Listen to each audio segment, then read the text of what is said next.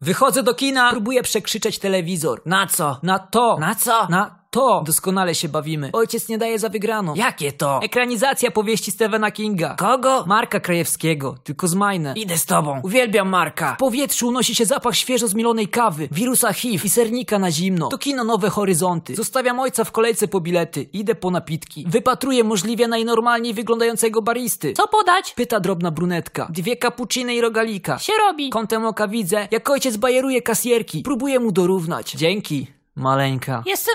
Jestem mężczyzną.